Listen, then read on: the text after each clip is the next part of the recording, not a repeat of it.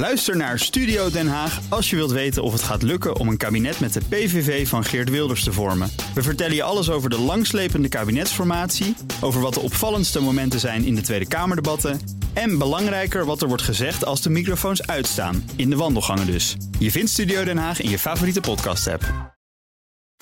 De column van Jaap Jansen. Vandaag wordt, als het aan VVD-fractievoorzitter Klaas Dijkhoff ligt, gewoon Thierry Aartsen geïnstalleerd als lid van de Tweede Kamer. Negen jaar geleden riep hij zelfmoordenaars op niet altijd net voor de trein te springen als hij erin zit. Recenter twitterde hij vrouwenvriendelijke teksten en zogenaamd lollige opmerkingen over Sylvana Simons. Over die zelfmoordenaars heeft Aartsen inmiddels excuses gemaakt. Dat kostte even moeite. Twee dagen eerder had hij in BN De Stem nog geen spijt.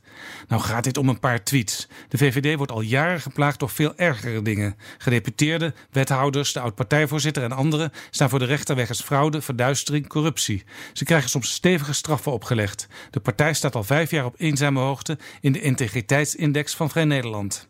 Veel ellende dus. En toch lijkt de VVD er niet veel last van te hebben. Zeker, de partij zakte bij de Kamerverkiezingen van 41 naar 33 zetels, maar de coalitiepartner in Rutte 2, de Partij van de Arbeid, tuimelde toen in een pijloos diep ravijn. De VVD bleef veruit de grootste partij en dat is uiteindelijk wat telt. In peilingen zakt de VVD sindsdien nog wat verder weg, maar de afstand tot het peloton partijen dat volgt blijft aanzienlijk. Zou de VVD van al die schandalen in eigen kring zo weinig schade ondervinden, omdat het een VVD-stemmer uiteindelijk toch vooral gaat om een klein, overzichtelijk aantal programmapunten en de rest is bijzaak? Niet te veel belasting betalen, zo min mogelijk immigratie, een goede baan, lekker met 130 kunnen gassen op de snelweg. En het hoeft allemaal niet te politiek correct. Lang leven Zwarte Piet. hey Lullo, ga eens bier halen.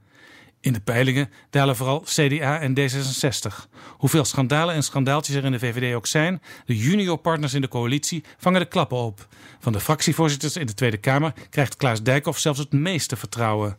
Is er voor de VVD dan helemaal geen vuiltje aan de lucht?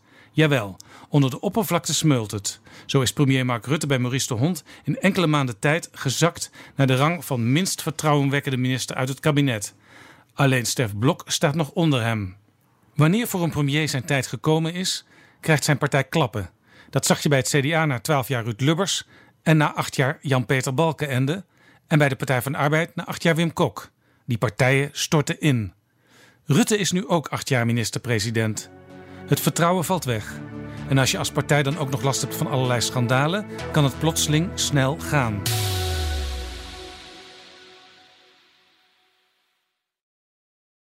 Ook Bas van Werven vind je in de BNR-app. Ja, je kunt live naar mij en Iwan luisteren tijdens de ochtendspits. Je krijgt een melding van Breaking News. En niet alleen onze podcast Ochtendnieuws, maar alle BNR-podcasts vind je in de app. Download nu de gratis BNR-app en blijf scherp.